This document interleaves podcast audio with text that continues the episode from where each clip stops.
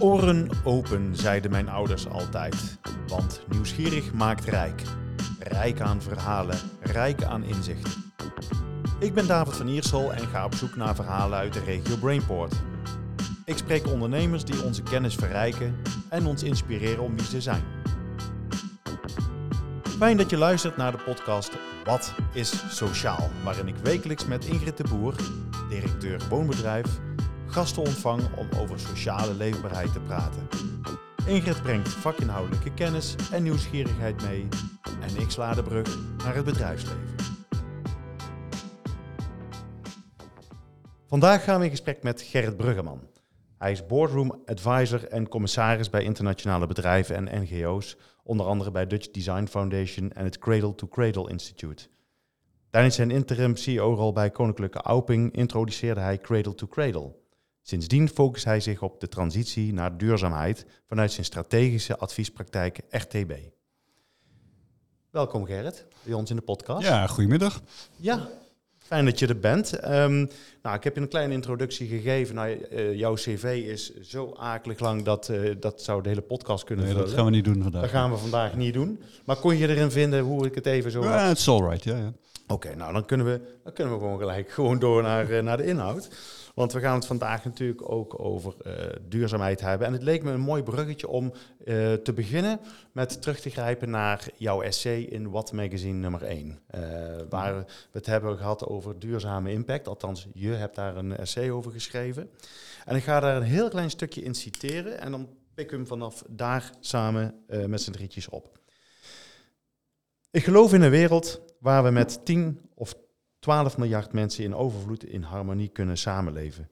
Daarvoor dienen we anders met onszelf, elkaar en de aarde om te gaan. Ik ervaar dat de transitie naar duurzaamheid een enorm gevoel van passie en trots teweeg brengt in organisatie, eh, organisaties sorry, en tegelijkertijd leidt tot de verbetering van de resultaten. Um, is dit een nobel streven, uh, Gerrit? Ja, uiteraard is dat een nobel streven. dat is ook mogelijk. En, want er zijn natuurlijk te veel klimaatpessimisten uh, en critici, et cetera. Het gaat ook zeker niet alleen over klimaat. We hebben zelfs een minister Klimaat en Energie tegenwoordig. Tot mijn stomme verbazing is het geen minister Klimaat, komma, duurzaamheid en energie, want dat hoort er zeker bij.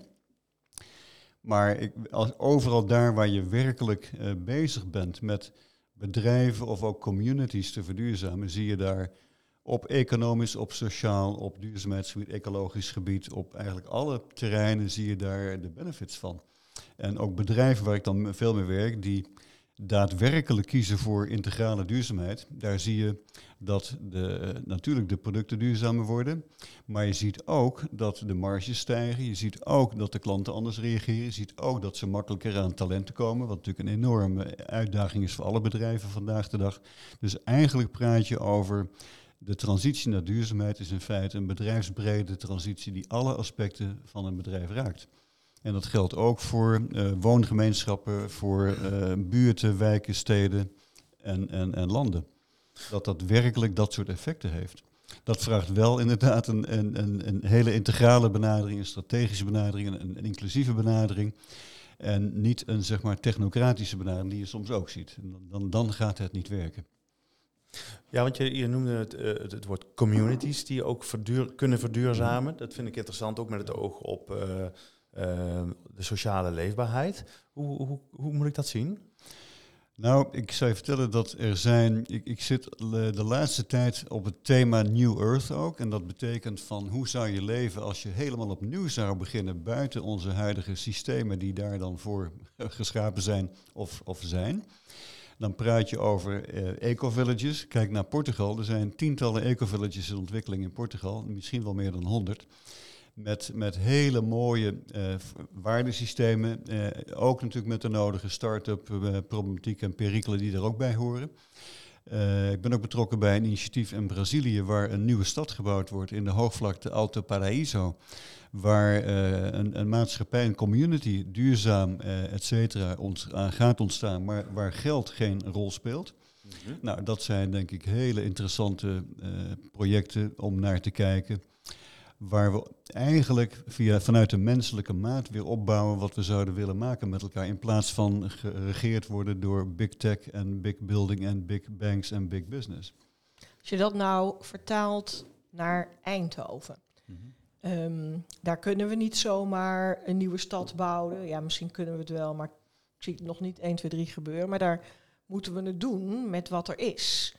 En ehm, hoe zouden die ideeën over New Earth um, gestalte kunnen krijgen, ingevoegd kunnen worden in die bestaande stad? Heb je daar ideeën over? Nou ja, dat is natuurlijk een, een hele, hele mooie vraag en ook een lastige vraag. Je kunt op ieder moment kun je veranderingen laten plaatsvinden. Als je al in een, uh, in een flatgebouw zeg maar een, een, een, een borrel of een, een, een communityruimte creëert waar je eens kunt praten over, vangen we hier het regenwater op wat op ons dak valt, ja of nee? Of hoe gaan we om met energie samen hier? Kunnen wij wel een energiecoöperatie bouwen met elkaar? Um, wat doen we met uh, dierenopvang, kinderopvang? Stuur, wat, doen we dat allemaal één voor één of gaan we daar iets voor maken samen? Uh, dus als je zo gauw je gaat nadenken over een woongemeenschap en je dit soort vragen gaat stellen, dan zie je ook dat je morgen andere dingen kunt doen. Uh, dus ik denk dat het, maar het gaat wel om de mentaliteit dat je met elkaar die vragen wil gaan stellen. En wie stelt die vragen dan? Uh, iedereen die daar initiatiefnemer voor is. Dus dat hoeft niet de directeur van de woningbouwcorporatie te zijn, maar dat kan een huismeester zijn, dat kan een bewoner zijn, dat kan een team van bewoners zijn. Het heeft, wat het nodig heeft is één persoon in den beginnen die dat agendeert en die dat aanbrengt. En dan zorgt dat daar enige vorm van resonantie op komt. Dus het is zo grassroots. Het kan zo simpel starten. Maar het moet wel gedaan worden. we hebben onze vriend uh, Bojan Slat in Nederland, die ondertussen 25 is, maar toen hij 15 was, ging duiken in, uh, in Griekenland met zijn vriendje en zei: Ik zie beneden alleen ik meer plastic dan vissen. En er gebeurden twee dingen tegelijk. Hij zei: Dit is onacceptabel en ik ga er wat aan doen. Dat is passionate commitment. Dus de, de passie van dit kan niet, dit moet anders en ik ga het doen. En iedereen kan in iedere situatie waar hij iets ziet wat beter kan of wat slecht is, maar ik ben meer van beter kan, uh, kan die keuze maken en daar zijn energie achter zetten. En dan heb je het al onderweg. Dus het heeft niets te maken met Brazilië of Eindhoven. Het kan hier in het kantoor morgen beginnen, of vandaag nog, vanmiddag nog. Dus het heeft niets te maken met er zijn ook geen barrières voor. Het is ook geen kwestie van kosten vaak. Het is een kwestie van uh, wil. En inderdaad anders naar jezelf en naar elkaar kijken. En weten dat je het samen aan het doen bent met z'n allen hier. Ja, wat ik, wat ik heel erg merk. Um, je verhaal spreekt me heel erg aan. Ik ben, ik ben er ook heel erg voor om met dat kleine te beginnen. Maar wat ik merk is dat uh, oh, zoveel mensen denken: oh, dat mag niet. Oh, dat kan niet. We leven natuurlijk ook in een samenleving waarin heel veel vergund moet worden. Hè? Je mag pas iets als je een vergunning krijgt. Of als iemand zegt, ja, dat mag, want dat is een goed idee. Hoe, hoe denk jij nou dat zeg maar die passie, die drive, die in principe in ieder mens zit natuurlijk, hoe die uiteindelijk zijn weg kan vinden? Hoe, hoe accommodeer je dat? Nou, ik zie niet primair de beperkingen, maar ik zie primair de mogelijkheden. Ik denk ook dat er ongelooflijke initiatieven zijn die gewoon kunnen, eh, ondanks alle regeltjes die we met elkaar hier gemaakt hebben, wat er inderdaad veel te veel zijn. En als het om de regeltjes gaat, denk ik ook dat ons hoofd weet welke regels we moeten handhaven. En ons hart weet ook welke we moeten breken gewoon. En dat moet ook bereid zijn om eens een keer daarvan af te zien, want er is een heleboel flauwekul bij waar we helemaal niets aan hebben. Maar nou, ik, ik, haak heel even aan wat Ingrid zegt. Ehm, ik uh, denk wel, en ik ben met je eens, dat als je gewoon uh, ergens begint, dat je dan gewoon moet doorpakken. Um, ik denk dat het ook te maken heeft wel met het, uh, het heropvoeden van heel veel mensen. Omdat ze misschien te veel in onmogelijkheden denken. Dus de mentaliteit moet ook naar gekeken worden, denk ik. Niet alleen naar de toepasbaarheid van van verduurzaming, maar ook gewoon de mentaliteitsverandering zal iets mee moeten gebeuren. Ja, dat denk ik ook wel. Maar dat, ook dat kan via hele concrete initiatieven gebeuren. Want je kunt wel uh, mentaliteitscursussen gaan geven, maar je kunt beter zorgen dat je een event organiseert in, op een bepaalde plek. Waardoor mensen weer deel, zich deel voelen van iets waar ze, waar ze dachten niet bij te horen, maar misschien toch wel bij horen. Dus ik, ik zou dus inderdaad eh, dingen organiseren waardoor ook die mentaliteit eh, gechallenged wordt en maar ook bijgesteld wordt. Dus ga dat niet apart organiseren, want daar zijn we ook goed in om het allemaal weer apart te gaan organiseren. Nee, maak het integraal. Mhm. Wij doen vaak ook sessies met, eh, met, met we hebben heel veel wijksessies gedaan, waarin het, waarin het strategische aspecten, bouwkundige aspecten, waarin educatieve aspecten, waarin duurzame aspecten, waarin heel van die elementen gewoon tegelijkertijd aan de orde zijn. En dan zie je dat dat, dat, dat gaat resoneren en dat dat leidt tot nieuwe aanpakken. Ik denk dat je dus daaraan moet denken. En ga vooral niet denken dat we eventjes makkelijk de mentaliteit van eh, weet ik hoeveel Nederlanders gaan, eh, en Nederlanders gaan, gaan bijsturen. Nee, ga gewoon dingen doen. En dan ga je zien dat, dat eh, juist als het over andere culturen gaat dan de, onze Nederlandse cultuur, dat die eerder reageren op zeg maar, dingen die in beeld gaan, of dingen die in actie gaan, of die via muziek gaan, dan dingen die via het gesproken woord en via cursuszaaltjes gaan. Want dat is, daar zit nogal een allergie op. Ook bij veel Nederlanders, maar ook bij veel uh, allochtone Nederlanders. Dus ga het anders organiseren. Of via eten. Hè? Eten Ja, is ook heel vaak een verbindende. Ja. Schakel. Met elkaar koken, met elkaar Ja. eten. Kijken of je op die manier inderdaad eh, eh, inclusiviteit kunt, kunt promoten. Wat voor rol heeft de overheid en dan met name de lokale overheid eh, wat jou betreft? In de eerste plaats niet in de weg gaan staan, denk ik. In de tweede plaats eh, zorgen dat dit soort initiatieven inderdaad eh, gefaciliteerd worden. En als er hier of daar regeltjes zijn die dat een beetje moeilijk maken, daar ook inderdaad constructief mee omgaan. En soms kunnen ze ook initiërend werken. Absoluut. Als je ergens dingen ziet die eh, als, als lokale overheid, waarvan je denkt, ja, dat moet echt anders, dan kun je ook zelf zoeken naar wie zijn daar misschien de initiatiefnemers of wie kunnen we daar eh, helpen om het vuurtje net een beetje op te wakkeren. Maar het moet wel ook gedragen worden in die community. Het moet nooit van de overheid zijn, denk ik. Dat fout is. Want, eh, hoe zit dat dan in Brazilië? Want dat vind ik dan wel interessant. Wordt dat ook gedragen door, door de gemeente of door de overheid of juist door rijke, lui, eh, rijk, rijke lui mensen? Of, eh, Ehm, het- is een particuliere initiatiefneemster. mhm. die eh, vrouw die zeer zeg maar veel studie heeft gedaan over alternatieve woonvormen en dat soort dingen, maar die ook met de burgemeesters in de regio, met de gou- gouverneur van de provincie, en die provincies zijn nu daar eh, enige malen groter dan, dan Nederland, ook de contacten maakt en, en ook heel veel eh, zeg maar support krijgt voor haar initiatief. Want dat heb je ook nodig, want ook daar is iets van regelgeving, veel anders dan hier, maar het is er ook daar. En ook de landeigenaren, dat zijn natuurlijk ook hele belangrijke partijen, die ze eh, één voor één bezocht heeft met, met presentaties, maar vooral ook met eerste eh, matching, pacing, leading, eh, echt elkaar leren kennen en, en en de droom delen. En, en de landeigenaren die zijn ongelooflijk enthousiast om hier aan mee te werken, omdat ze zien dat dat eigenlijk de toekomst is en mag zijn. En, het, die zitten ook niet te kijken naar nog een hogere opbrengst. Die willen uiteraard, als ze het verkopen, een fair price. Die willen ook wel eh, aandeelhouder blijven met hun land en deel van het systeem worden. Dus zij is in staat om met bewoners, eh, lokale en, en provinciale overheden ook daarin mee te nemen. En dat moet je denk ik overal willen doen.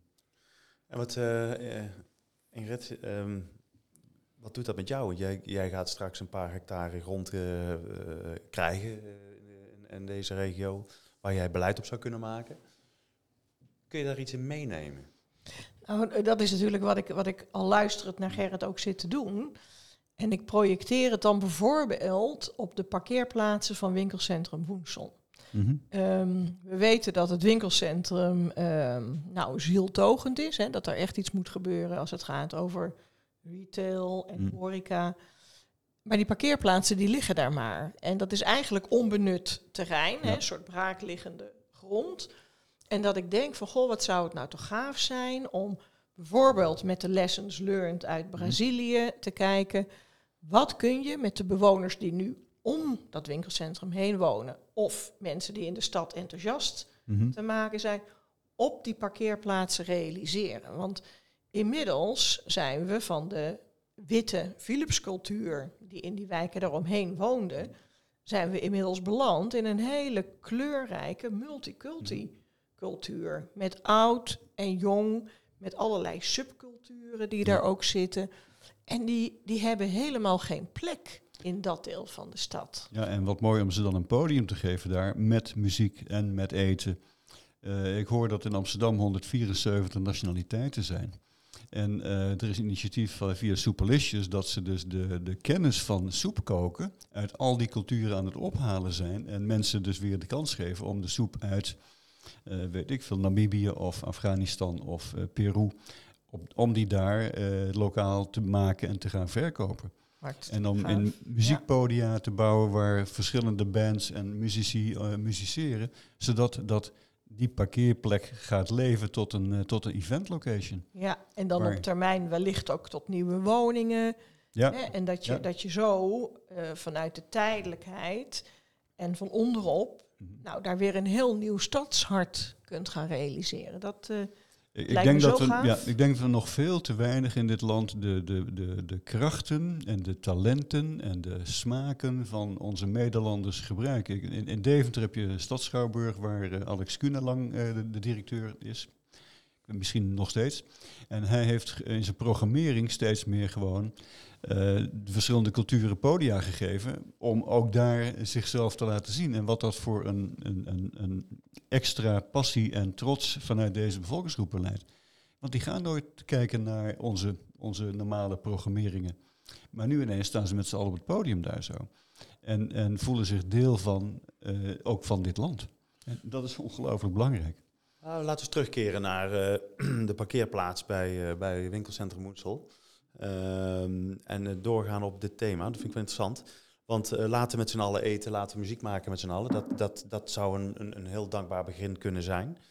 Um, maar wat zou het zijn als er beleid zou worden gemaakt om daar te bouwen, maar ook met een verhaal. Een verhaal van uh, duurzaam ook in de, de materialenkeuze die daar wordt gemaakt. Dan neem je de mensen ook daadwerkelijk mee in een verhaal voor de toekomst, denk ik dan dan is het verhaal niet alleen maar verbinding tussen, tussen wijken of, of, of een aantal uh, huizenblokken, maar daadwerkelijk ook van we gaan hier met z'n allen iets uh, doen. Uh, zou dat ook een, gedachte zijn om ook te bouwen volgens het cradle-to-cradle principe? Dat kan niet anders meer.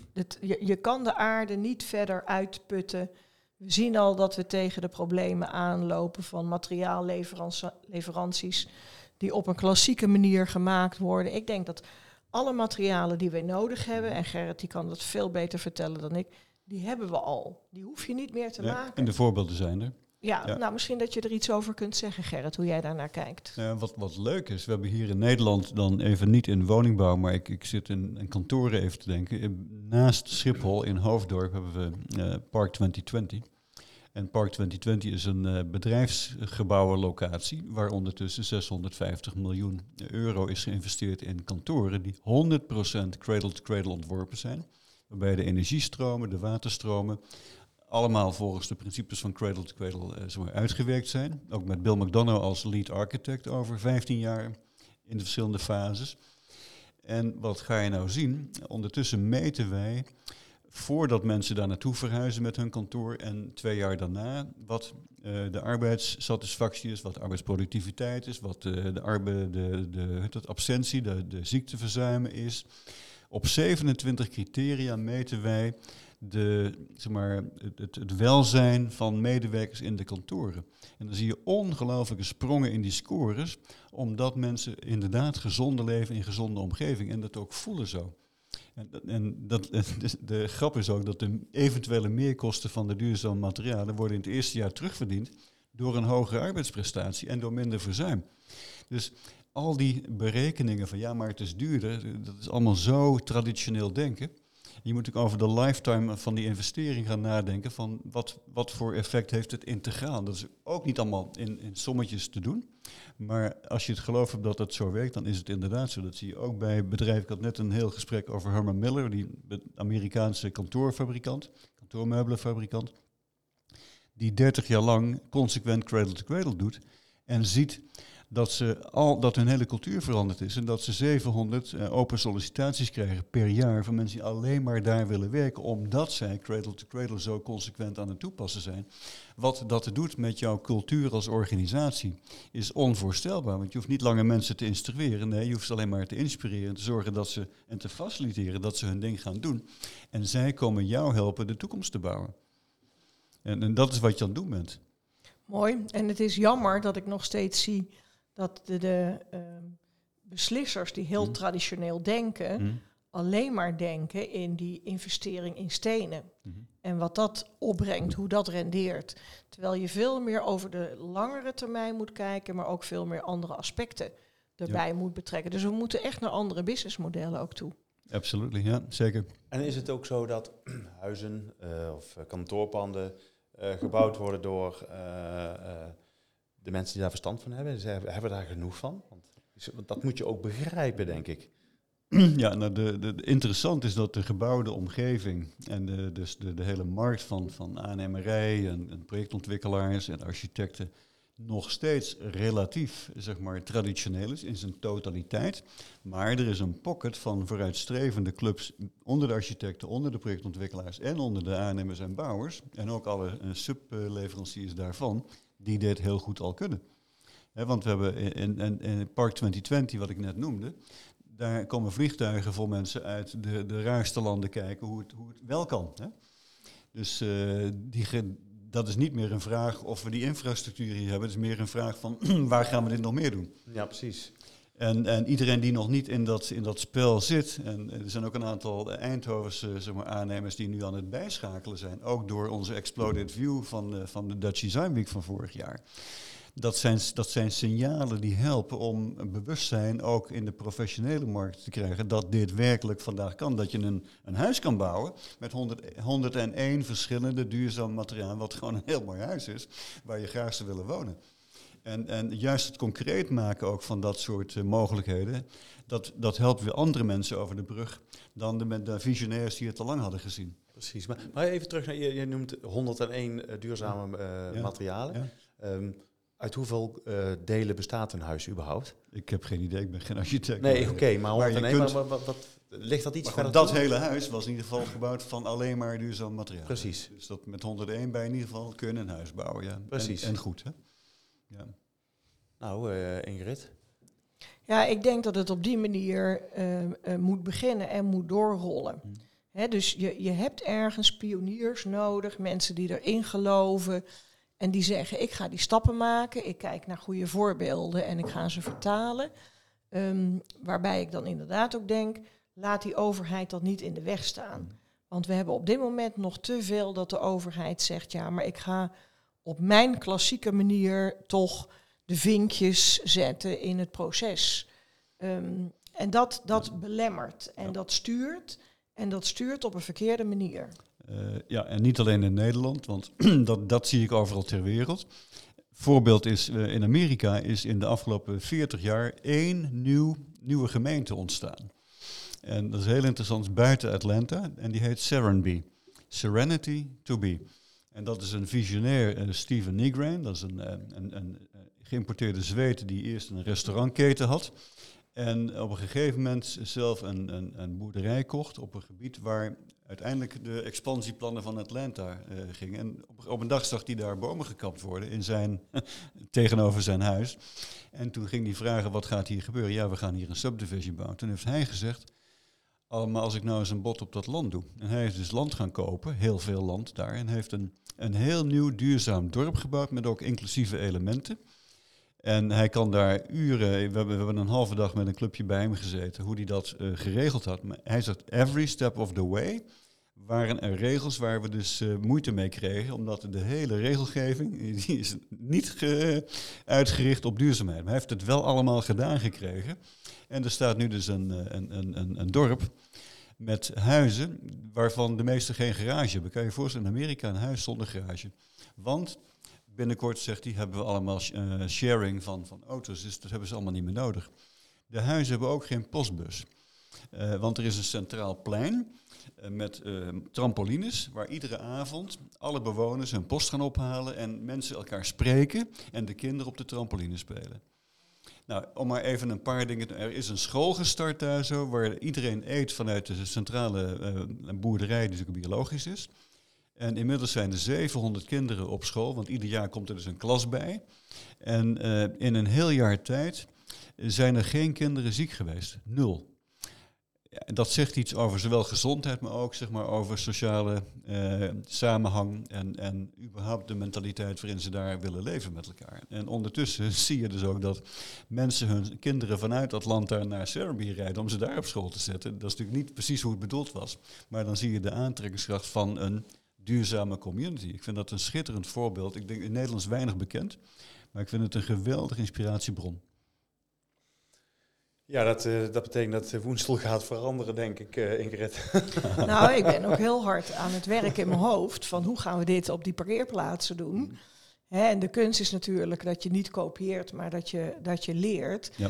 En, eh, en dat gaat niet in twee minuten, David. Dus eh, Dat, dat begrijp ik. Maar eh, lessons to be learned, hè, learning by doing ook. Hè. Er zijn natuurlijk aspecten die we kunnen toepassen en dat begint natuurlijk altijd ergens.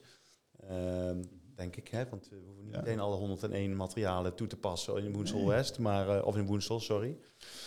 Ehm, iets anders. Ehm, eh, de vorige spreker eh, in onze podcast was eh, Ad van Berlo.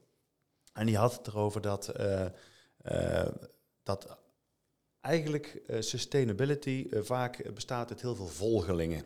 En hij vond het jammer. Hij zegt, eh, waar, waar het er wel eens aan voorbij gaat, is dat sommige dingen ook anders kunnen lopen dan, eh, dan het pad wat bewandeld moet worden. Dus dat imperfectie eigenlijk soms dan wordt uitgesloten. Eh, hij zegt, blijf altijd in beweging en eh, eh, omarm de imperfectie. Ehm, kun je daarin vinden? Snap je wat hij bedoelt? Ja, ik denk, perfect imperfection zie je op heel veel plekken. Hè? Dus als je kijkt naar bijvoorbeeld het hergebruik van, van de kromkommers, hè? dus de, de kromme komkommers. Om maar even als één heel klein dingetje.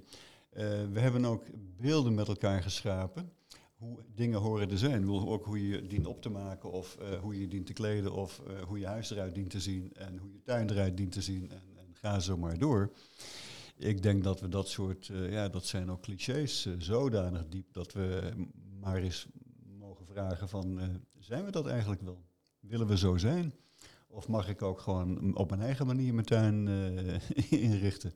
Of mezelf kleden, of mezelf niet opmaken, of nou al deze andere zaken die volgens een soort norm door de media vooral ons worden aangeboden, om daar maar eens wat relativerend over te beginnen te doen en ook afwijkend over te mogen zijn. er is nu een, eh, social media app, hoorde ik gisteren.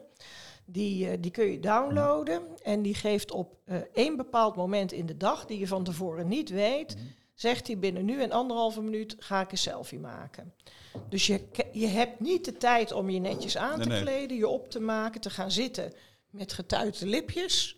Nee, daar komt hij aan, die selfie. En de bedoeling is dan, laat de mensen zien zoals ze zijn Ja. op dat moment. Ja. En dat je even afstand neemt van al die gepoetste, opgepoetste fotomomentjes. Ik vind het wel heel leuk bedacht. Vraag me wel af hoeveel mensen het gaan doen. Ja, het is een spontane actie inderdaad. Maar we willen in ieder geval eh, afwijken van datgene wat Gerrit zei, wat de media hier opspelt. En ehm, we worden vaak in een soort van keurslijf eh, ge- gedrukt. Dat is zeker waar. Ja, we laten ons erin drukken ook, hè? dus dat is ja, de dat is ook zo. Ja, dat En, is, en die eh, media mogen ook zeker, en die moeten ook voor mij, volgens mij veel meer pluriformiteit laten zien en, en minder, zeg maar, dicteren, tussen aanhalingstekens misschien dan dicteren. Maar we mogen daar zelf ook onze eigen rol in, in nemen. We gaan eh, richting het einde van eh, de podcast. Ehm, en wij eindigen meestal een klein beetje, eigenlijk een beetje onbedoeld misschien, maar altijd een soort blik in de toekomst. Hoe ziet eh, de regio Brainport eh, er wat jou betreft over zoveel jaar uit? Als jij het mocht zeggen. Nou, ik denk dat de regio Brainport heel erg brain-defined is. En laten we maar eens eh, praten over de regio Heartport en Soulport, zou ik zeggen. Laten we die elementen eens wat meer belang geven en laten we eens ook de, de rechterkant van onze hersenen gaan gebruiken en zorgen voor een rijker cultuurleven, rijker muziekleven, rijkere kleuren. Dus, eh, die andere elementen die soms een beetje blijven liggen hier, maar is heel zwaar gaan benadrukken om een balans te maken in deze regio. Nou, dat lijkt mij een uitstekend slot. Mooi. Ja. Komen we aan het einde van deze podcast. Tot zover deze aflevering van Wat is Sociaal? Dank voor het luisteren. Blijf ons volgen op LinkedIn en Instagram en deel vooral je luisterervaring, zodat ook jij anderen inspireert.